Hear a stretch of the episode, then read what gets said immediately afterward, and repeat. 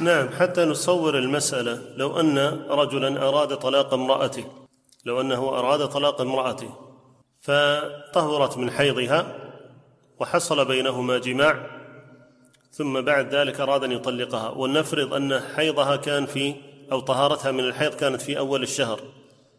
وستأتيها الحيضة في أول الشهر التالي أو بداية الشهر التالي. يعني أمامه كم؟ شهر كامل.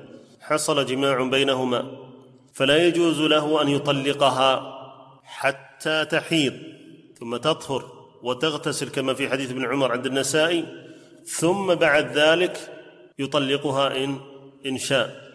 أما إذا طهرت من حيضها أما إذا طهرت من حيضها ولم يحصل بينهما جماع فيجوز له أن يطلقها دون أن ينتظر الحيض التالية. والسبب في ذلك أنه لما حصل بينهما الجماع كان ذلك نوعا من إشباع ما في النفس وحاجة النفس في الجماع. والشريعة سبحان الله جاءت بإغلاق باب الطلاق قدر الإمكان لا الحث على الطلاق. فجعلت باب الطلاق على الرجل وهو في عصمته جعلت ثلاث طلقات وجعلت هنالك طلاق سني والطلاق السني يكون على وصف معين.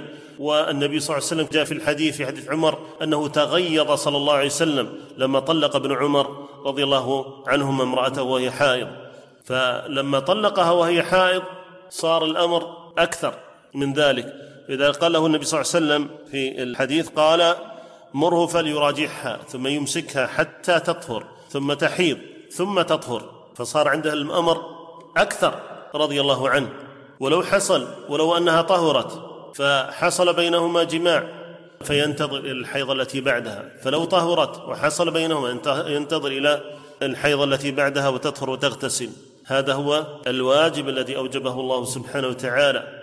وأما الطلاق البدعي وهو أن يطلقها في حيضتها أو أن يطلقها في طهر قد جامعها فيه فهذا حرام ولا يجوز. وقد تغيظ عليه النبي صلى الله عليه وسلم. لا يحل الرجل أن يطلق امرأته لا هي وهي حائض ولا أن يطلقها في طهر قد جامعها فيه وهذا يغلق باب الطلاق. سبحان الله يعني هذا من أسباب حصول رجوع الألفة والمودة بين الزوجين.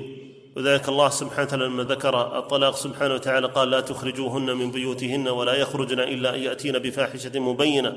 وتلك حدود الله ومن يتعدى حدود الله فقد ظلم نفسه. لا تدري. لعل الله يحدث بعد ذلك أمرا. فهو لما ينتظر إلى الحيض التالية قد يحصل بينهما كلام قد يحصل بينهما أنس وألفة ومودة يلغي ذلك الطلاق والفكرة في الطلاق أصلا لعل الله يحدث بعد ذلك امرا نعم.